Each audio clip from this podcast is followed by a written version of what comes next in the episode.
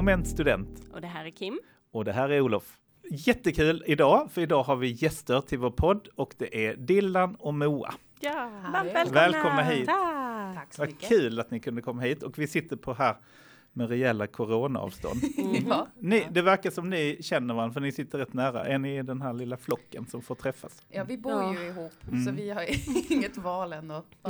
Okej, så ni håller inte avstånd? Men Nej. jag, nej, men jag kramar ju inte dig längre. Nej, nej, Dilan kramar inte någon. Den enda jag kramar är min kille för att vi har ändå sex med varandra. Ja, Mm. så att smittorisken är, det är extremt. Precis. Men jag, jag kan krama Moa om vi har varit tillsammans i mm, två till fem dagar. Ja, då Okej. går liksom risken över. Okej. Men har hon varit någonstans? Jag är lite coronanojig. Är, är det skönt att slippa krama henne tänker jag? Ja, jätteskönt. Ja. Hon är så jävla på annars. Okej. Och eh, jag heter ju då Olof och jobbar på Studenthälsan som kurator och Och jag heter Kim och jobbar också på Studenthälsan Mm. som barnmorska. Eh, men jag tänker så här, för alla, eller alla, eller de få som inte vet vilka ni är, ska ni berätta lite om er själva? Ja. Vi tänkte så här, vi har på våga tala-kurser som vi har så kan man få presentera varandra det, ibland. Ah, Så jag tänkte, kan, vill ni göra det eller vill ni presentera själva? Det beror på hur skrytig man vill vara. Men jag tänkte, det kan ju vara så att Dylan berättar lite om Moa. ja, ska vi testa? För Ja. de som inte Ja. vet något om Moa. Eller är det... Åh nej, jag blir Okej. så orolig nu att jag ska, att jag ska Mm. säga något fel. Det Ja. är dumt. Ja, men vi brukar också ofta så prata i vi-form. Ja. Mm. Det är så behagligt att Det kan ni inte göra. behöva presentera sig, sig Mm. själv, själv utan alltid Ja. vi. Men vi det får ni gärna Prata göra. om dem. Ska vi presentera Dilan och Moa som dem? Ja, det är Ja, ja, men ni. Det ni kan, får- Ja, annars får ni prata vi gärna. Det som ni känner er bekväma med. Ja. Eh, Oj, vad svårt det här blev. ja, visst. Ja men vi är ju en humorduo. Mm. Eh, Ja. Moa är från Umeå från början. Ja, och Dilan är från Täby. Ja, Ja. precis. I, utanför Stockholm. Ja. Fruktansvärd plats. Ja. Och eh, vi träffades eh, 2014 på satirprogrammet Tankesmedjan i P3 som gjordes här i Malmö. Mm. Yes. Eh, Moa, du hade hållit på med stand-up och sånt innan. Mm, jag är en high school dropout och flyttade till Malmö när jag var 18, 17, 18, någonting sånt. Jag hoppade av gymnasiet.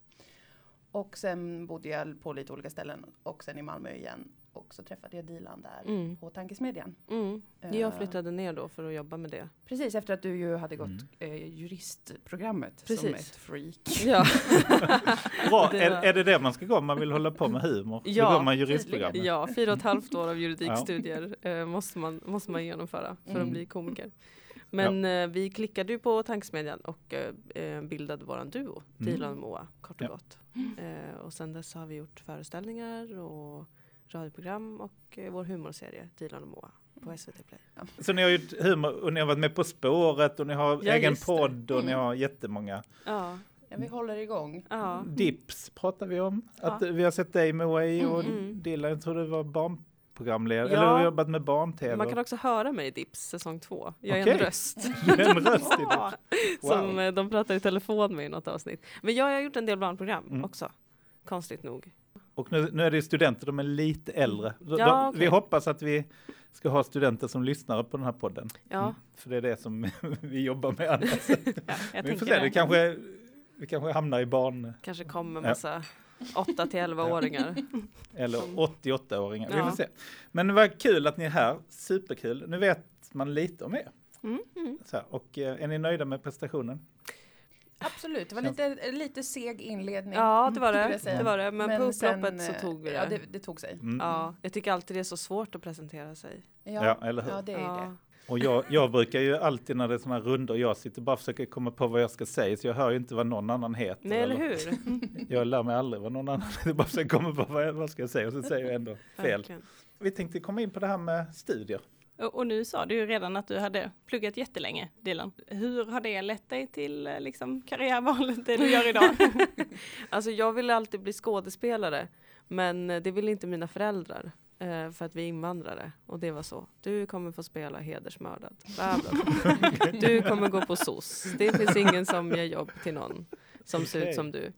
Eh, det var väldigt tufft för dem när de kom till Sverige, Mm. såklart. Ehm, så då bara pluggade jag juridik för att eh, mina släktingar hade sagt att jag borde bli advokat för att jag pratar så mycket. Mhm. Så jag visste inte riktigt vad jag gav mig in på och sen så var ju det fruktansvärt för mig för jag ville bara spela teater. Så Okej. då hade jag kompisar som jobbade på Sveriges Radio som hade fixat in mig till lite så här, kom till den här fredagspanelen typ. Och sen eh, så stötte jag på eh, en polare då eh, i Mörby centrum i Stockholm och så sa han, fan du är rolig, ring den här snubben. Så var det en eh, radioproducent som var liksom lite humor och scout Jaha. på SR då. Så han fixade in mig på Humorhimlen och sen så visade det sig att Tankesmedjan behövde en ny programledare och då så sökte jag det och så fick jag det och eh, så började jag där eh, precis när jag tog examen från Wow. nyhetsprogrammet. Så det blev liksom radion och humor blev lite mitt sätt att få spela teater. Jag gjorde mycket Mm. sketcher och sånt till att börja med.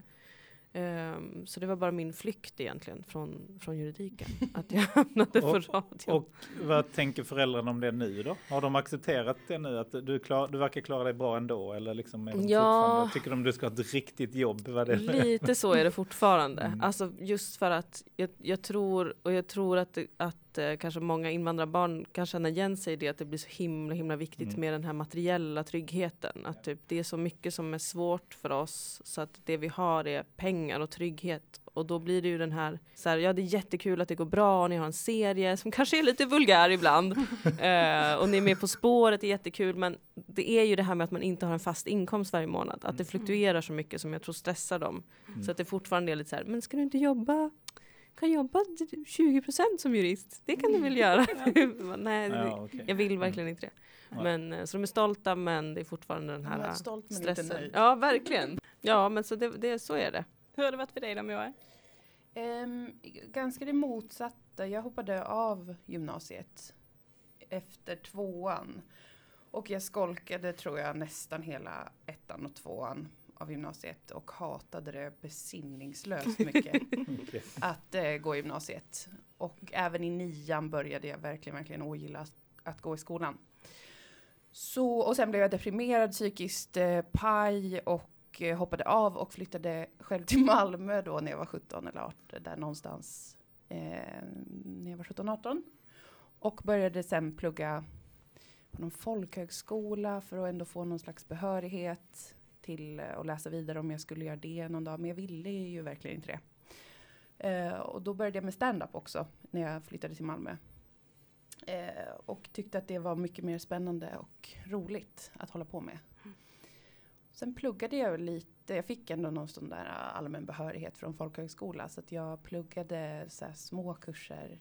Eh, och intresserad av att lära mig ekonomi, jag pluggade makroekonomi och genus naturligtvis eftersom att jag var en 20-årig tjej i Stockholm eh, Okej. ett tag där. Så att ehm, jag, jag pluggade lite grann men jag tyckte alltid att det var så gränslöst vidrigt tråkigt och det värsta jag visste.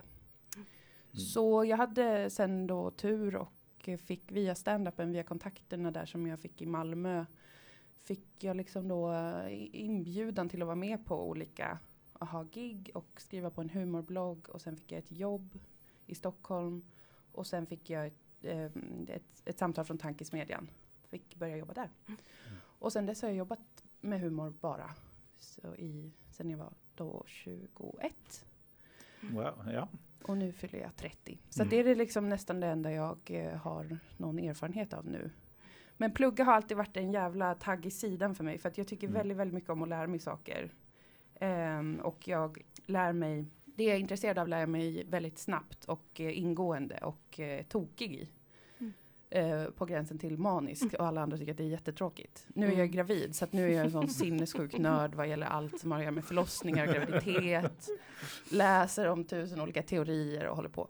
Så att jag har alltid tyckt att det är väldigt roligt men formatet för att plugga har aldrig passat mig och eh, jag har väl varit en sån typisk student som eh, inte känner att jag eh, kan, att det inte finns någon, någon var, någonstans att gå med studierna. Att det inte Mm. finns någonstans att utvecklas med det, tyvärr. Mm.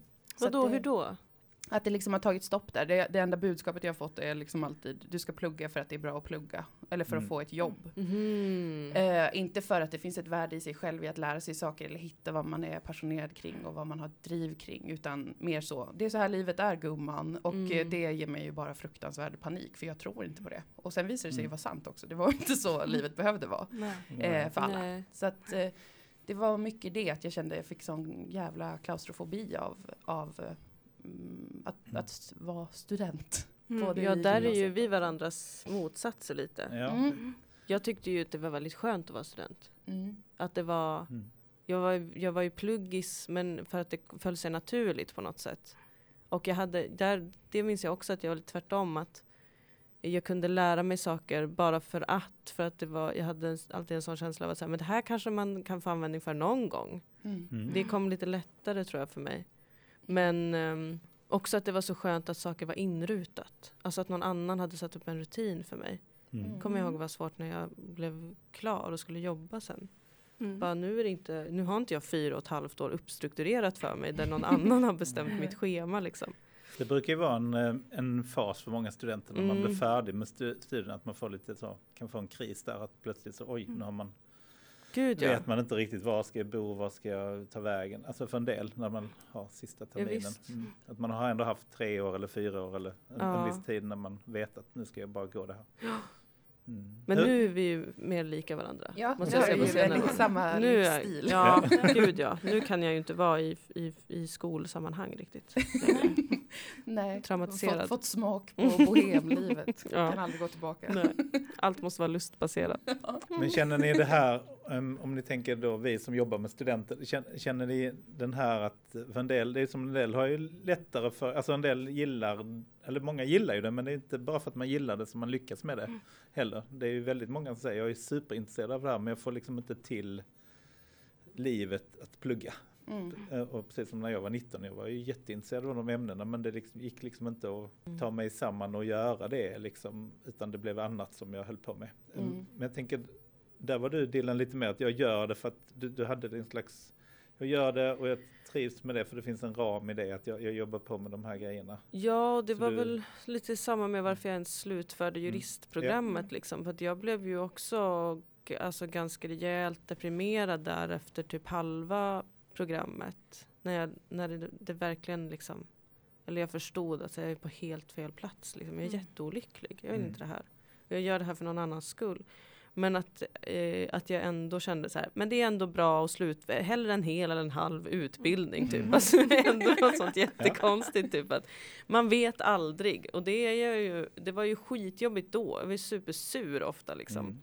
Och sänkte mina ambitionskrav jättemycket. Alltså då, sen ville jag ju, ni vet kanske hur juriststudenter är, jag vet inte hur många som kommer till er och har ångestproblem. Vi har ingen juristutbildning i, i Malmö faktiskt. Nej men just det, Men- ingen alls va? Alltså Nej, inte heller inte någon... en helt program utan det Nej. finns ju, ingår i vissa kurser. Men det finns kurser. Mm. Ja. Nej men eh, det, det är ju extremt stressigt och mycket hets och sånt. Och det, det släppte jag ju helt när jag förstod Mm. att jag vill ändå inte hålla på med det här. Liksom. Men ehm, ja, det finns ändå något sånt. Jag vet att jag har mycket sådana samtal med min lillebror nu också. Han är eh, 14. Och är så här, varför ska vi lära oss det här? Det här har vi ingen Mm. användning för. Mm. Och att jag är så här, men du vet ju aldrig. Du Nej. vet ju aldrig om du kommer behöva så här, en dag kanske du behöver kunna något om osmos. Mm. Du behöver inte det nu, men Ja. du kan bara ta in det. Du Eller behöver liksom inte ha ett sånt motstånd. Men han är ju mer lik Han dig på många kommer sätt. gå min väg. Ja, okej. jag För att det. den där meningslösheten, om man börjar uppleva den Ja. redan när man är sådär 13-14, då kommer den inte, om man inte får rätt liksom, eh, hjä- hjälp att hitta vad det är man behöver för att vara, hålla sig i, eh, eller liksom om man inte hittar sitt driv, då är det meningslöst. Mm. Och det går ju inte att komma ifrån, absolut att det kan vara bra att ha någon gång, men om man inte känner att det kan vara det, då är det Nej meningslöst. precis, man måste verkligen känna det. Man måste känna att bara, fan det här är kul, Ja. att jag kan det här. Mm. I, I framtiden kanske kommer ihåg det och sådär. Men har man inte den känslan så finns det liksom ingen som kan övertala en om att det är bra att kunna detta.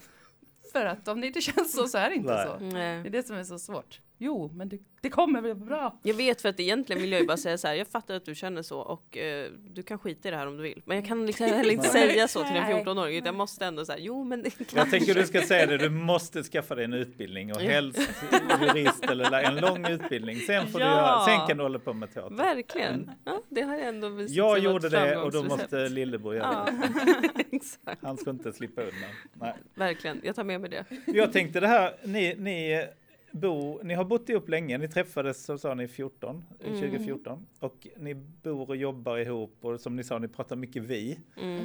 Och då tänker jag det som vi stöter på mycket med studenter är ju det här med samarbete och relationer. Det är en rätt stor grej man pratar med oss om. Och en grej är ju då grupparbete, att samarbeta liksom.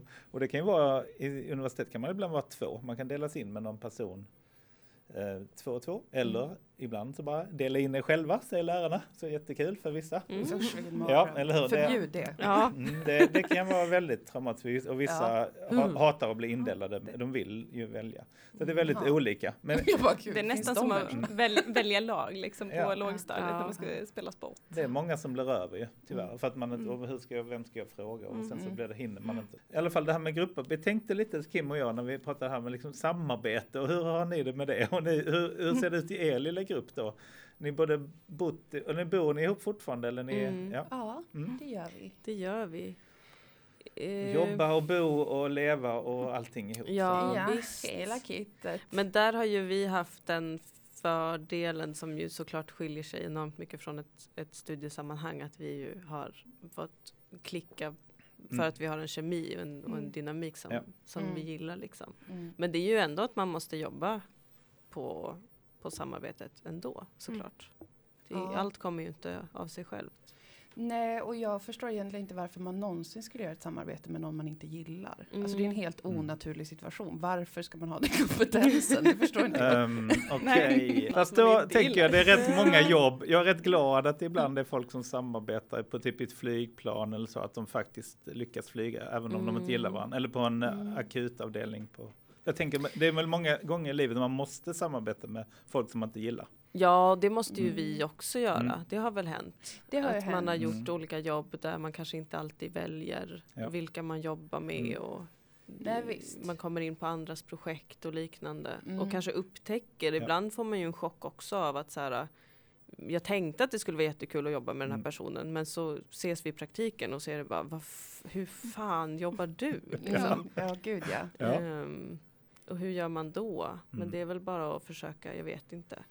Nej, jag försöker tänka för att eh, jag, jag får ju en stark aversion, men det är för att jag tänker på hur det var i skolan. Mm. Mm. Och Eller då fick jag ju bara panik. Ja. Jag var ju aldrig med på något sånt. Alltså jag skulle aldrig i hela mitt liv att jag skulle varit med på någon dag där man typ lär känna varandra eller att man Ah, har grupparbete. Alltså var Mm. no way in hell. Eh, för att jag ansåg mig vara eh, alldeles för bra.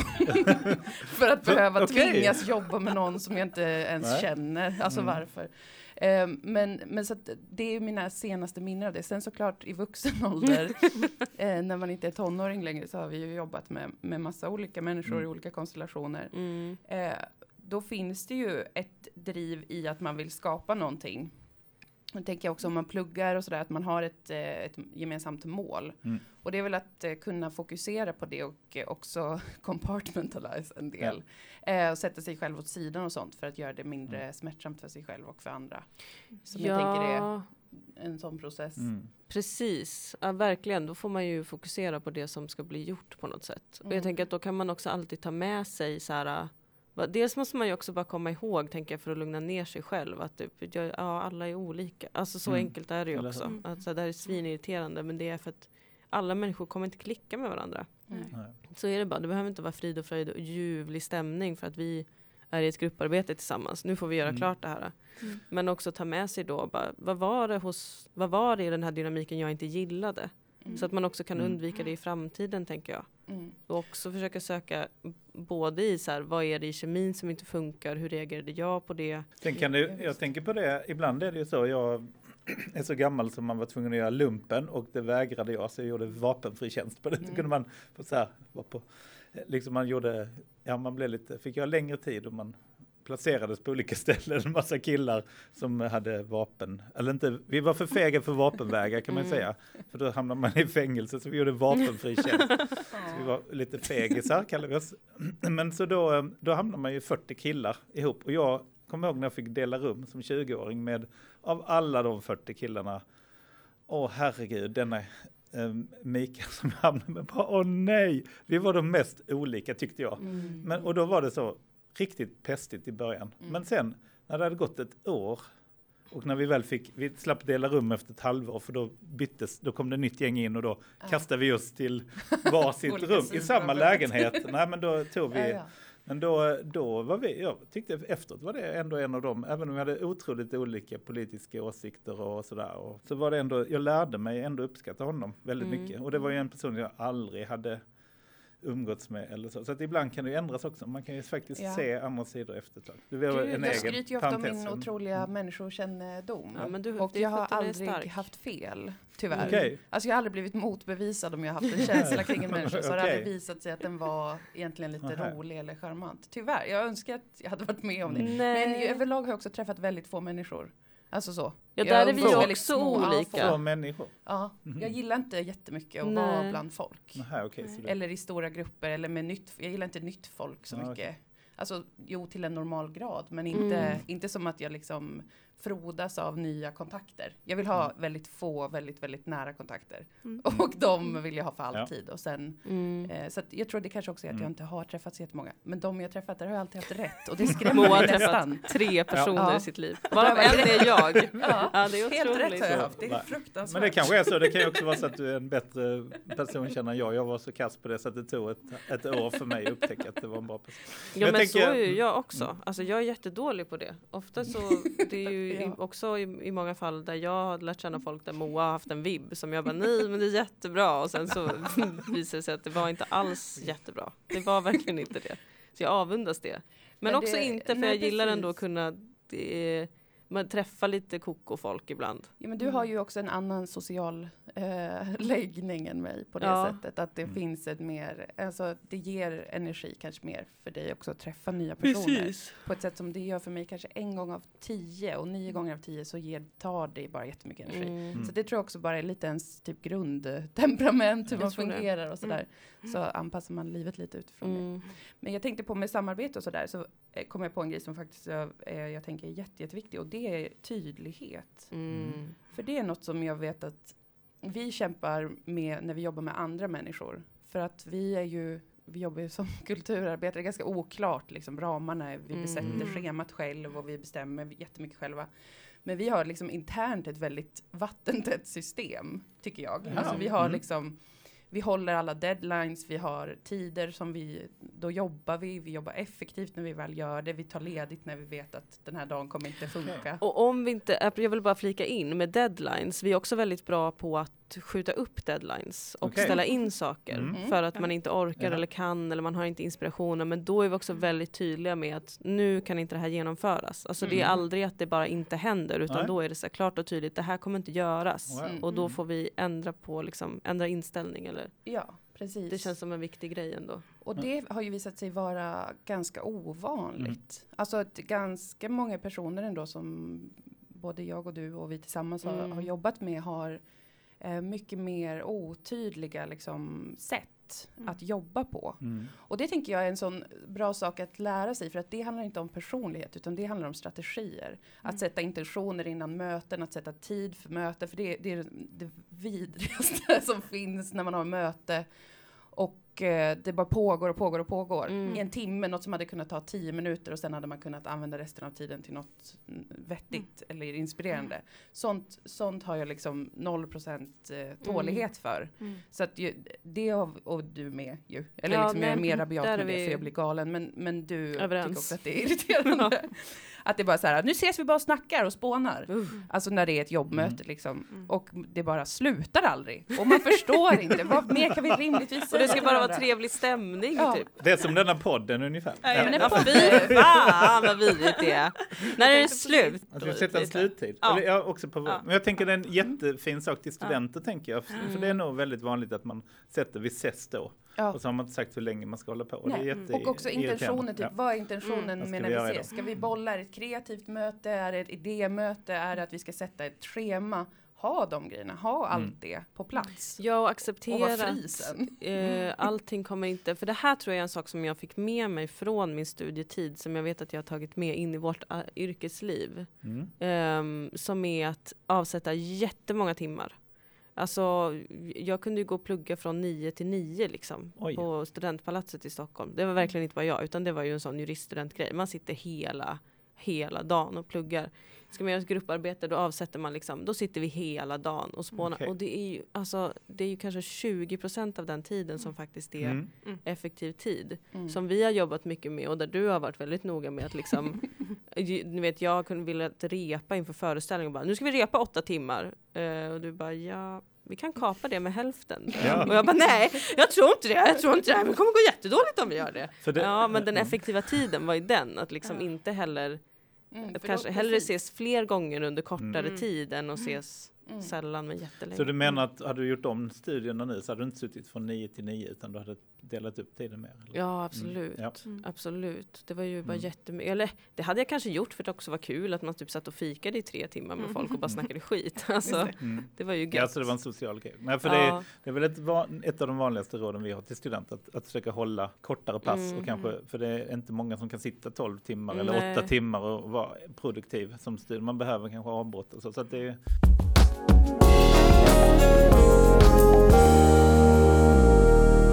ja, ja, men det är nog många som har den myten att som student ska man sitta väldigt mycket Mm. tid. Och lärarna Mm. säger säkert det också, att ni måste lägga mycket tid. Ja, Ja, vi fick ju höra hela tiden att det här är ett heltidsjobb. Ni ska sitta Mm. åtta timmar om dagen. Mm. Liksom. Men vad är då? Det är ju också något som vi jobbar mycket med. Att vad är de här åtta timmarna om Ja. dagen? Är det att sitta och skriva, skriva, skriva? Mm. Eller är Mm. det också faktiskt väldigt mycket tanketid? Ja.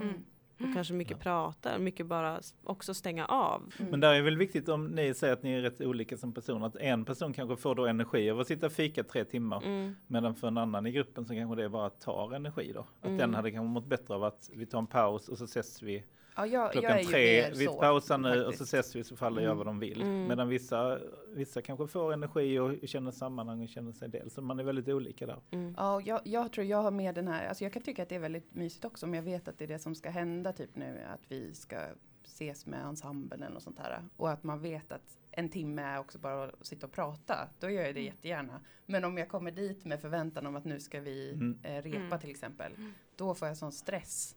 För att jag känner som att det är slöseri. Och det är också tråkigt. Ja för men att det är gud, där är jag liksom- helt med. Det tycker Ja. jag också är jätte, det är jättejobb. Men det är ju den där otydligheten igen, att Ja. man inte Mm. vet. Och så har man en inställning att så här, nu ska vi repa tre timmar. Nej okej. Nu sitter vi bara och fikar och snackar. Men Mm. jag vet inte vad som... Jag har all den Ja. här energin som bara vill ut Ja. fysiskt Ja. liksom. Men, Ja. så det... det, Så det, Så Mm. det, att mm, ingår. bestämma kanske innan och det kan ju vara svårt om man inte känner varandra och vad man, Mm. men det är Mm. bra att ändå ha någon slags tanke om att det är olika prat. och så. Jag Mm. tänkte vem, vem diskar hemma hos er? Hur går det med sånt samarbete? Vem diskar och städar? Och... jag tycker du har diskat väldigt mycket på senaste tiden. Eh, jag har blivit ja. väldigt slarvig med Det- att fylla diskmaskinen. Jag, tror- jag eh, har haft ett förhöjt intresse av det av någon anledning. Mm. Eh, det kan vara för att det är vår.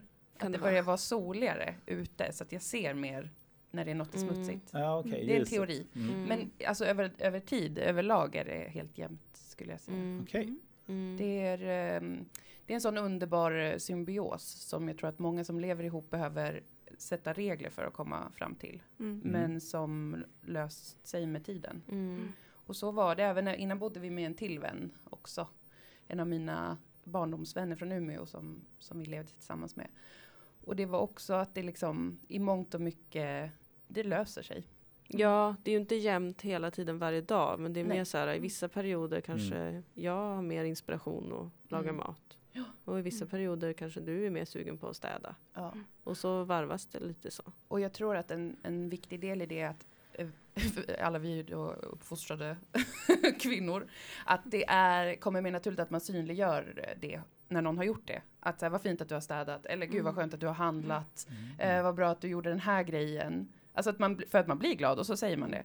Och det har jag upplevt eh, har varit svårare i, i min heterosexuella relation, att det liksom, eh, då är ändå min, min kille väldigt bra på sånt där, eh, städa och hålla på. Men det, att det blir lättare som en jag, jag upplever faktiskt att det har varit lättare eh, tillsammans med, med dig och med Maria då. Mm. Att eh, det bara eh, faller på plats. För Mm. att alla ser det de andra gör och, och Mm. säger det. Och då blir det också en sån här undermedveten kanske känsla av att nu vill jag också Mm. göra någonting. För Ja, att precis. Nu har jag fått det här fina att någon hade städat när jag kom hem. Då vill jag ju ge det så fort jag har energin till Ja, och göra jag kommer det. också bli Mm. uppmärksammad för det om jag gör det. Mm. Mm. Det kommer inte bara vara en sån självklarhet. Utan Så vi, vi män, vi ser bara det vi gör själv och Ja. så vill vi ha cred för det. Sen Ja. ser vi inte vad andra gör. Ja, det är fruktansvärt. tyvärr är det nog, Ja. eller jag vet inte, för mig är det. Ja, men jag Ja. tror det kan finnas. Är det så hos er med Kim? Ah, Fasen, jag måste ju erkänna att det är min man som gör allting. Ja. Men jag uppmärksammar det. Det är bra. Ja, Ja. ja. Det är bra. Mm. Det är ju Mm. Så jag tycker det är en bra symbios. Ja. Ja men det är det ju för att man, där är ju inte heller någon idé att sträva efter tänker jag oavsett om man lever i hetero eller gay förhållande eller med vänner. Mm. Det är ingen idé att sträva efter någon form av petimeter. Nej. Så här, det, varje dag ska jag göra 50% och det är Nej. 50% vi ska dela alla sysslor. Utan det är ju Mm. också så att man måste hitta eller upptäcka med tiden. Okej det här faller sig lättare för dig att göra. Mm. Då kommer du göra det mer och jag blir Mm. jätteglad över det. Mm. Och mina grejer kommer kanske vara de här mer. Mm. Och om du ser dem då kommer du också känna att det, det här blir en jämn fördelning Mm. över tid. Exakt. Definitivt. Så mer Mm. fokus på det, tänker jag, att se vad andra Mm. gör eh, kan vara en hjälp. Har ni olika roller i era jobb? jobb ehm, det här om att nu ska ni hitta på humor och vara kreativa och komma på. Liksom, har ni olika roller där? Att någon som gör klart och någon som sätter igång? Eller är ni, delar ni på det också? ja, det skulle jag säga. Det är lite olika beroende på vilket projekt vi jobbar på tror jag också. Och vilket stadie man är i och så. Alltså även det växlar. att när man, Det kan ju växla vem som känner mest inspiration och lust och sådär. Alltid. Eh, Men vi, är ju, vi gör ju allt tillsammans ändå. Mm. Men så kan det ju verkligen vara så här att vi ska göra någonting, eh, även om det är saker vi gör själva, liksom vår egen serie, så kan det ju vara så här, åh gud, jag, den här, det här avsnittet, jag, jag känner det inte just nu. Mm. Liksom. Mm. Det får du, ja men då, jag känner det. Mm, Då sätter okej. jag igång och skriver här. Och sen så kanske jag avslutar det mera. Mm. Mm. Eh, så det, det skulle jag säga att det också växlar, Det och, men ändå blir jämlikt Ja. över tid. Det enda som har varit svårt har ju faktiskt varit, eller enda, men en av de sakerna som har varit svåra har ju varit de juridiska bitarna. Där jag har, Mm. eftersom att du har haft den kunskapen, alltså när det gäller att Mm. förhandla avtal, förstå rättigheter, alla sådana här Mm. grejer som är en stor Mm. del av vår bransch som också är eh, där man blir som mest kanske man är i ri- risk hela tiden Mm. att eh, hamna i väldigt ofördelaktiga situationer med Mm. sitt material och så. Och där, eftersom att du har, har med dig eh, en lång eh, juristutbildning i ryggen så blev det från start så att Dilan fick mer ansvar för det. Mm. Och jag tänkte ganska mycket, jag, kommer, jag kan ändå inte förstå detta. Eller jag tror, helt ärligt så tror jag att jag var lat. Att jag kände det var skönt att inte behöva sätta Mm. sig in i. Mm. Och du flaggade för väldigt ofta minns jag, eller så här, det här måste vi kolla på, det här måste vi liksom förhandla Mm. eh, och ställa de här kraven. Och jag var mer eh, undvikande med det. Delvis för att jag inte var lika insatt och delvis för att det var lite obekvämt för att jag inte kunde de bitarna. Ja, jag tror att de bitarna är väldigt skrämmande om man inte har, om man inte har Mm. fått med sig något självförtroende i dem som jag Mm. hade från utbildningen då. Eller inte självförtroende men kanske mer självklarheten kring det hade jag ändå med mig. Och annars är det Ja. nog jätteläskigt. Ja, det, det är ju verkligen det för att man hamnar i den situationen då. Eller jag kände ju, tror jag, mer än dig att vi kan förlora allt om vi ställer krav. Medan Mm. du hade en, mer, en trygghet i att det här är en rättighet att ställa de här kraven, att förhandla om detta. Okej. Det, är, det ingår. Mm. Medan jag var lärd i den, vad ska man säga, DIY-skolan att du har inget att säga till om för Nej. du kan bli utbytt när som Mm. helst. Eller du måste se till att vara medgörlig gentemot de här stora beställarna och företagen och bolagen. Så att jag var ju fegare och undvek, ehm, tror jag, att ehm, prata om det. Så det var, det var svår, svårt till en början Mm. eftersom att du kände av det och var lite så här, varför är det här inte så viktigt för dig? Mm. Och sen när jag började upptäcka att det här är ju svinviktigt, alltså med erfarenheten av att det blir fel eller att man blir lurad. Ja, precis. Då började ju jag så här, okej, det här är ju jätteviktigt. Och du bara, ja, vad har jag sagt i fem år? Jag bara, har du hört om upphovsrätt? Så det var som Okej. en liten, uh, lite liksom ojämn um, ansvarsfördelning kring det. Men det håller, jobbar vi ju på. Mm. Jag Ja, jobbar på gud, att ja. vara face front med det. Mm. Så att ni lär av varandra. Det är ju häftigt, man kan lära av varandra. Det är precis som i Ja, andra relationer. Man kan ja, visst. faktiskt bli... Ja, jag har ju fått mera alltså om du har fått mer juridiskt självförtroende av mig så har jag fått mer kreativt självförtroende av dig. Alltså verkligen Mm. kring de här sakerna som att här, lita på din förmåga. Vi behöver inte men, typ, re- repa i tre timmar. Du behöver inte skriva ut det här manuset om vi ska göra en scenföreställning. Jag var ju jättenitisk och bara vi ska skriva ner exakt varje rörelse vi ska göra liksom. Okej. Medan Moa var mer så här, fast du, du behöver inte det. Alltså du kan ju det, vi kan ju det här, vi hittar ju på det här tillsammans. Det här kommer sätta sig liksom i kroppen och i själen. Men det tog jättelång tid för mig att bara, aha okej. Gud, vi kan ha typ stödord. Mm. Shit, vi kan låta saker hända organiskt på scen. Så att eh, vi har ju verkligen fått, Ja, fått det är av sant. varandra. Kom in med två olika områden där Mm. självförtroendet var större eller Mm. mindre. Men det, man kom, vi kan ju sammanfatta att juristutbildningen verkar ju sjukt bra eh, utbildning för att bli komiker, eller hur? Ja, Ja. jag vet inte om man måste Men gå nej, hela nej. programmet men, men att läsa Okej. avtalsrätt här, ja, tror jag är den här jättebra. giken eller göken, eller Ja, här precis. Juridisk Mm. utbildning. Vi tänkte hoppa in till det med inställning, eller hur Kim? Ja, eh, nej, men jag tänkte också att det är lite svårt i de här tiderna att inte komma in på corona positivt, negativt och sådär. Eh, och nu har ju ni bara berättat hur mycket bra grejer som helst. Är ni så superpositiva hela tiden eller liksom bara klämkäcka superpositiva? Måste man vara det? Mm. Vi är, vi, jag, jag, det- jag tänker att en sak som förenade oss redan från början och som jag alltid har känt att det är det här, det, alltså en gemensam fiende är liksom det starkaste kittet på något sätt. Mm. Alltså de, mina närmaste människor har jag alltid hittat för att vi har ogillat samma saker, Okej. inte för att vi har haft samma intressen. För vi har ju inte samma intressen liksom, Nej, eller nej. samma sociala grupper eller samma smak i allting. Men, Men ni ogillar samma vi ogillar verkligen samma saker. Mm. Eh, så att det, det, det är väl två sidor av det. Att å ena sidan jobba väldigt hårt båda två för att liksom eh, ha någon slags harmoni och utöva tacksamhet och känna en glädje över livet och allt sånt så tar inte det ifrån att också få vara arg och sur och klaga och gnälla. Mm. Jag tror att det är jätte, jag älskar att klaga. Mm. Det är så härligt. Mm. Det är underbart. Ja, jag håller med. Jag håller med. Vi har ju en härlig gemensam aktivitet som är att vi håntittar på tv tillsammans. ja. Och eh, då tittar vi på tv och hånar allt och Ja, alla okej. och är alltså otroligt grova. Ja. Alltså det är inget som någonsin skulle komma ut i en podcast. Nej, nej, nej. Det är inte många som klarar av den aktiviteten. nej, nej, det blir lite magstarkt för många. Oh ja. Det är väl lättare att klaga på sakernas tillstånd och Ja. saker som ligger Mm. utanför en själv. Mm. Men saker som man faktiskt kan påverka, typ sina relationer eller sin inställning till någonting Mm. eller vad så- man själv ja, är med om. Precis, men det är så jävla svårt för att det är så himla lätt att man glider över i den så att alla är sin egen lyckas smed och att man Eller hur? Ehm, Och jag för- förknippar ju liksom att klaga väldigt mycket eller vara missnöjd med sitt liv förknippar jag ju väldigt mycket med att, vara, alltså, att ha psykisk ohälsa. Mm. Att känna sig fast, att känna sig eh, maktlös inför sitt eget liv, att känna sig maktlös inför sig själv. Och då är det ju definitivt så att man på olika sätt kan behöva hjälp, självklart, av alla möjliga olika instanser. Så det finns en, ett mått av det där jag tänker Men är inte det mer gnälla då? Är det, Jo, skillnad på, är det det som är skillnaden på att klaga och gnälla? Mm, Att kla, man har en klagan, man Mm. vill, man, det är någonting man är missnöjd med liksom, och man uttrycker det. mm. Medan gnälla är mer det här kanske, ja men Något nu har du, uppgivet. ja precis. Mm. Det finns någon Jag vet skillnad inte, där. för, att, jag förstår vad du är ute efter. Jag- Mm. jag- Jag, jag har ju läst att pessimister är mer lyckliga än optimister. Mm. Men eh, jag har ingen källa på det. Vi är akademisk båda. Jag borde ha det. Men det, jag, jag har läst på internet. Nej, men, men i alla fall, det, men jag tror det ligger någonting i det att om man har, eh, det är väl också med, att man, man kan få vara lite kritisk eller realistisk eller så. Mm. Så det stod där att realistisk pessimister är med.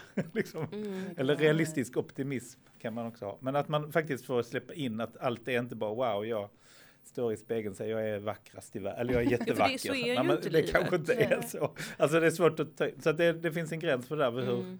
hur, eh, jag tänker också att gnäll är viktigt och att kanske, vi, vi pratade om det, om det var mänsklig rättighet. Eller att det kan vara viktigt men det finns en gräns när det går över också till att det blir ett mönster som man kanske inte kommer ur. Mm. Och att det blir som ni säger klag eller gnälla eller psykisk ohälsa, då ingår ju det rätt mycket såklart att man är ju missnöjd med mycket. Ja, att man är fast i, man Mm, ältar, ja. man ångrar saker man Mm, redan har ja. gjort. Sånt har, har jag alltid liksom varit eh, så här konstigt, eh, blivit så här sur över. Ja. När någon är så här, åh men gud varför jag gjorde inte sådär? Då är jag bara så här, håll käften, du gjorde inte så, acceptera det.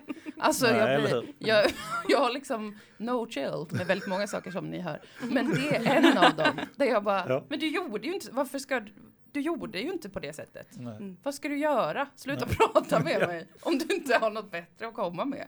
Mm. Det- att mitt acceptera det mer kanske, att, att fan, jag är ledsen Ja. över att jag gjorde så. Precis. Att, kan eller att jag inte gjorde så, det. fan. Jag Mm. ibland kanske blir nyfiken på varför är du så fixerad vid det då? Mm. Mm. Varför, varför stannar du upp vid just den här grejen? Varför blir det så stort Mm. och viktigt? Alltså det kan ju ändå vi prata mycket om. Ja, absolut. Om jag håller på så så är du ju inte så här håll käften, gå ifrån mig. Nej, utan nej, då nej. är det mycket mer bara okej men varför? Det är ju någonting här som du har fastnat vid. Mm. Varför, varför det? För att, och alltid så handlar det om någonting annat Mm. Ja. än det specifika man har blivit helt fixerad vid. Liksom. Ja, precis. Och när vi pratar om sådana saker, då är det ju eh, liksom med, alltid med förståelsen att man ältar saker, man har problem med Mm. saker och för att man har i någon situation blivit triggad av någonting eller beteendet, mönster har startat.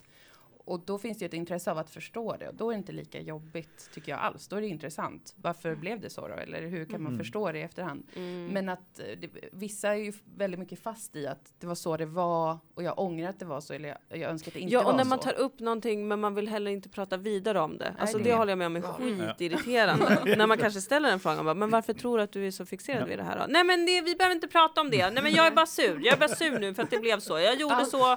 Kan, vi bara, kan jag vara bara dum i huvudet? Men vad- fast som, Mm. jag, jag går inte riktigt med på att det var så. Jo men det får du göra. Alltså, då Ja men precis, det är då man ju. känner snälla gå Gå härifrån. härifrån. Och säg det in i en vägg i så fall Ja. istället. Ja för det är det du vill då ju. ja. Eller kan man gå till kuratorn Ja, och säga precis säga, vad gör Ja, någon kuratorn? som nu? får Kurator, såklart. Ja, på finns ju en det. hel yrkesgrupp för det här.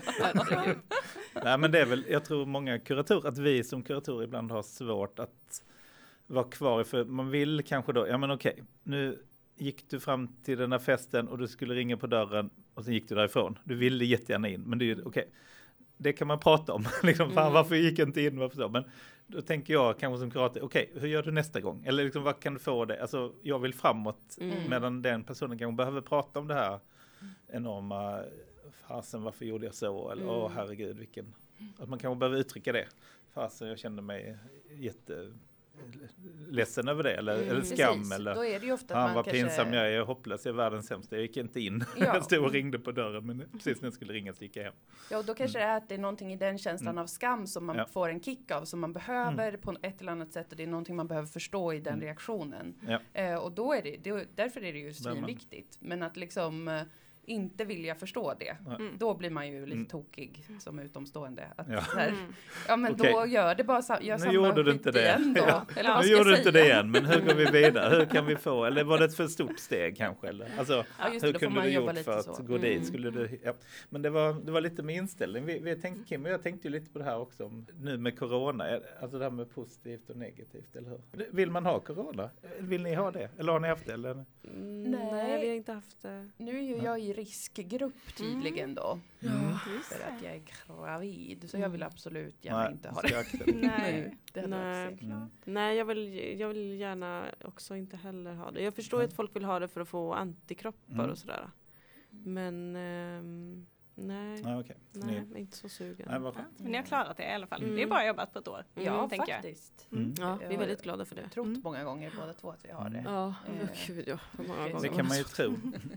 Mm. Jag tänkte på, vi har också studenter, en, en av, vi har en sån här topplista vad folk, eh, när vi skriver upp vad samtalen handlar om för att ha lite statistik, så är oro ofta upp på topp fem. Och många studenter har ju oro kring, att jag kommer inte klara tentan, eller tänk om jag läser det här och jag får inget jobb, eller om, om oro, jag fattar ingenting och alla andra fattar. Så det finns mängder, mängder i studierna. Jag tror man är också rätt så ensam, i, ofta som student, för man är ja, man kan vara ensam med sin oro även om man har klasskompisar. Så. Men det här tänker man, om jag inte klarar tentan så får jag inget jobb och så får jag ingen bostad och så blir jag hemlös. Och så. Alltså man kan ju Mm. tänka väldigt snabbt. Så. Men hur, ni var inne lite på det med ältande och grubbla, men jag tänker i den branschen som ni har, frilans och humor och eh, liksom väldigt det är inget så att säga, jobb som man vet att man har nästa månad kanske eller så. Och jag tänkte, men hur hanterar ni oro då? Eller hur det ska bli? Tänk om det inte blir så kul eller tänk om ingen gillar det eller? Men det är svårt med oro. Jag har alltid haft mycket problem med oro. Jag tror att det är först nu, alltså, som jag egentligen har börjat hantera den på ett bra sätt. Mm. Så Mm. jag vet Ja, inte Dilan. Ja. Nej, men jag, Moa håller med. ja. Nej men jag menar, jag bara, jag Du har ju fått leva med den oron. Ja men och du har ju fått leva med min så att Ja. vi, vi blir båda bättre med åldern. Ja, visst, ja, visst. Men det, det är knepigt alltså. Det är för att det, är sån, det, är sån, det finns en sån kraft i oron Mm. kan jag tycka. Mm. Alltså jag kan ha såna oroliga episoder liksom där det känns som att eh, när, när jag väl börjar lugna ner mig så är det som att nej det är farligt att lugna ner sig. Jag måste Ja. vara orolig. Jag måste oroa mig över det här. För tänk om någonting händer. Och så går man upp i det här igen och man Mm. känner pulsen. Och, alltså det är rent fysiskt en helt makalös upplevelse. Inte Ja, sätt. otrolig upplevelse. Testa redan idag. Ja, en kick. Men vi har ju mycket, det är klart att det finns mycket orosmoment i våran bransch. Mm. Alltså förutom att vi är oroliga själar i liksom existensen och livet Mm. överlag. Alltså det är ju Ja. dubbelt på det sättet. Ja, jag tycker att det har hjälpt eh, mycket. Jag kan inte säga om, jag började äta antidepressiva, meditera eh, och gå i psykodynamisk terapi samtidigt. Okej. Vilket är ett problem för då kan jag inte säga vilken av dem som var bäst. Jag antar att det är kombinationen som alltid, Mm. tyvärr. Eh, men det som jag tycker har hjälpt mig bäst med oro då, med disclaimern att det kanske också är att jag medicinerar så att jag inte känner det. Nej, det är inte det. Det är eh, att förstå den mer eh, biologiskt, fysiologiskt, tycker Mm. jag. En plot twist. Mm. Att det är hjärnan, ens tänkande hjärna saboterar som allt hela tiden Mm. med runt oro. Det är som helt värdelöst, jag kan aldrig tänka sig ur en orolig känsla. Och det där har ju vi eh, båda två, vi har pratat jättemycket om det och vi har ju börjat utforska det Mm. tillsammans och var för sig med hur, hur oro och ångest kan sitta i kroppen på olika sätt, hur man kan börja märka den innan man har hunnit förstå att man är nervös. Jag har haft så nu när jag har gått till eh, MVC för att jag är gravid då. Usch, sa det för tredje gången, det blev tjatigt. Men det, det mest aktuella exemplet. för att då eh, höll jag på varje gång att liksom svimma. Tog blodprov, eh, fick hålla upp mina fötter för jag blev alldeles vit och svettig och höll på att ramla ihop. När jag gjorde ultraljud höll jag på att svimma. Okej. Eh, för att det var liksom, jag fick känslor av panik. Jag slutade andas ordentligt och jag fick så här. Och så försökte jag förstå det så här i efterhand. Vad är det frågan om? För att i mitt huvud, det jag tänker är, jag är svincool med sånt här. Jag kommer inte vara en sån blödig brud som kommer in och bara, mm, Jaha, mitt lilla hade- barn. Du det är en jättemycket bild av att förtryckt. Ja, okej. Jättemycket förtryckta känslor kring att det, det är sårbart och det är svårt och jag Mm. behöver liksom eh, vara öppen för att det här kommer vara en svår situation för mig för att jag tycker att det, det är både så här svårt att tillhöra en grupp med människor, alltså gravida. att jag har väldigt ja. problem med att, att känna att jag behöver identifiera mig som, som då någon som är med i ett gäng Mm. av folk som jag inte känner återigen. Och typ jag tycker det är jätte, jätte sårbart och märkligt att det överhuvudtaget är så här vi blir till. Alltså det tycker jag är svinläskigt. Ja, ja. Och coolt ju. Men då var det ett himla jobb med att försöka förstå den där, för det, var ju, det blev ju som panikångest, att, som, att jag höll på att kola vippen hela tiden när jag var där. Och då eh, fattade jag det ju inte. Alltså jag förstod ju inte, för Nej. mitt tänkande huvud var så här, det här är hur lugnt som helst. Jag har inga problem med det här. Ja, jag tycker det är lite pinsamt, men det är, det är väldigt nice, Mm. cool. Så det var ju som ett Det tänkte du att du tänkte? Liksom. Jag tänkte att jag, det var min självbild i situationen. Mm. Och att det bara var helt obegripligt att jag sen höll på att svimma hela tiden. okej. Och typ eh, ville Så. grina och ta mig därifrån. Och då vart det ju tydligare i efterhand, jag kunde spåra tillbaka att så här, den där oron tog sig uttryck som ilska tidigt. Mm. Alltså att jag kände mig arg på de andra som var på MVC. Alltså att jag, blev, jag var så här, titta inte på mig kände jag. Jag, så här, jag vill inte sitta i samma väntrum som andra Okej. gravida, jag tycker det är äckligt. Jag var arg. och det är ju liksom en av många vägar som Ja. det kan, kan Mm. kännas på. Men man, inte, Mm. man tänker inte att det är oro. Jag Nej. tänker att det är bara liksom Det är ett det som är lurigt med oro, att man Mm. aldrig fattar att det är oro okej. förrän efteråt. Nej. Det Den tar sig uttryck i, i så, ilska Ja, eller helst något annat. Ja, visst, eller man får ont Mm. någonstans, Ja. eller man svimmar, Eller eller ont i det bröstet. Ja. Och så, för jag, det är jättemycket sånt har jag. ja. Det är så, nej men jag fick ont, nej men Mm. det är något, jag är sjuk liksom. Nej, det, det, det var oro igen. Mm. Men hade det, hade det hjälpt då att man hade en, en bättre, försöker träna sig att ja, men det är okej att vara rädd eller det är okej att vara orolig? Alltså det som jag känner hjälper generellt, det är ju att, att detektera som en liten eh, Sherlock Holmes, vart, när det börjar. mm. Alltså fysiologiskt, hur det börjar, att det börjar Okej. kännas eh, eh, stress, som att jag måste fly någonstans ifrån. Mm. Och det kan även vara liksom en känsla av, eh, att vara hotad i en Mm. situation. Att jag måste ta mig ur det här rummet. Det är redan där så att det börjar liksom spirala, Mm. oron och ångesten. Och om jag kan detektera det i min kropp så kan jag också göra saker fysiskt. Jag kan lära mig Mm. eh, och, via meditation och andningsövningar att andas för att lugna ner centrala nervsystemet. Eller Och kommer, alltså att ha liksom som en liten verktygslåda av väldigt, väldigt praktiska grejer. Mm. För att alla sådana rationella idéer eller typ det är ingen fara eller det, det kommer vara bra och Ja. alla vill mig väl, ingenting hjälper. Nej, Allt bara puffs. Nej, och man behöver väl kanske varva de sakerna. Alltså både bli mer ett med sin kropp.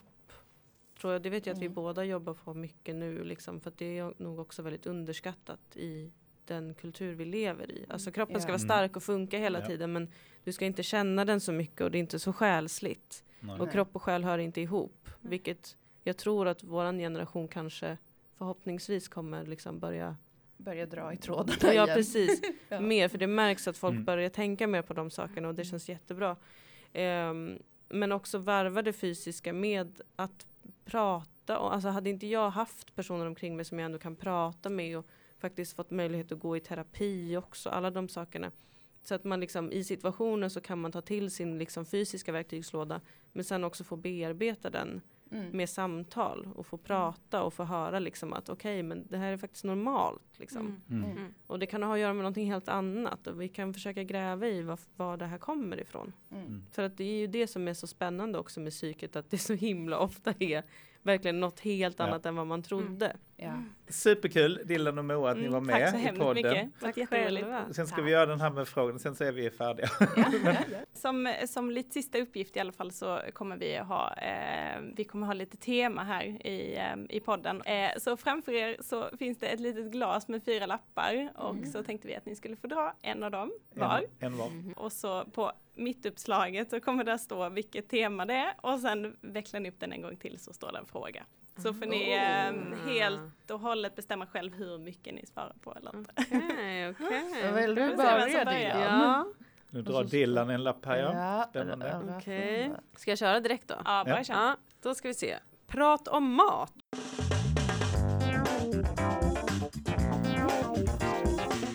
Då ska vi se.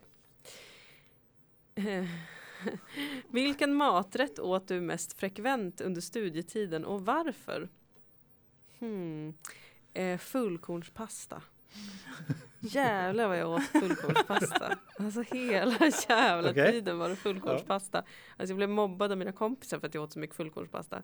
Men det var så himla bra, det var så det var bara mättande. Ja, och bra, billig bra basmat liksom Ja. som man höll sig mätt på. Eh, och väldigt mycket ägg åt jag. Mm. Så ingenting till pastan, bara pasta. Ibland var det faktiskt bara pasta. Ja, ja. det är också Tragiskt gott. nog. Men det var ju också mycket sån här långkok liksom. Okej. Jag var ju jävligt nyttig då också. Mm. För jag liksom, eh, ja men billig studentmat, ju bönor och sånt men det blir så här Mm. grytor med mycket grönsaker och Okej. bönor och olika kryddor som är bra. Och, Mm. men ja, fullkornspastan var verkligen central. Mm. Mm. Jag älskar den fortfarande. Du gör det? vad Du blev inte trött på den? Nej, Ja, nej. Häftigt. Ja. Mm. Vågar du Moa dra en lapp Jag vågar dra en sex och relationer. Vadå?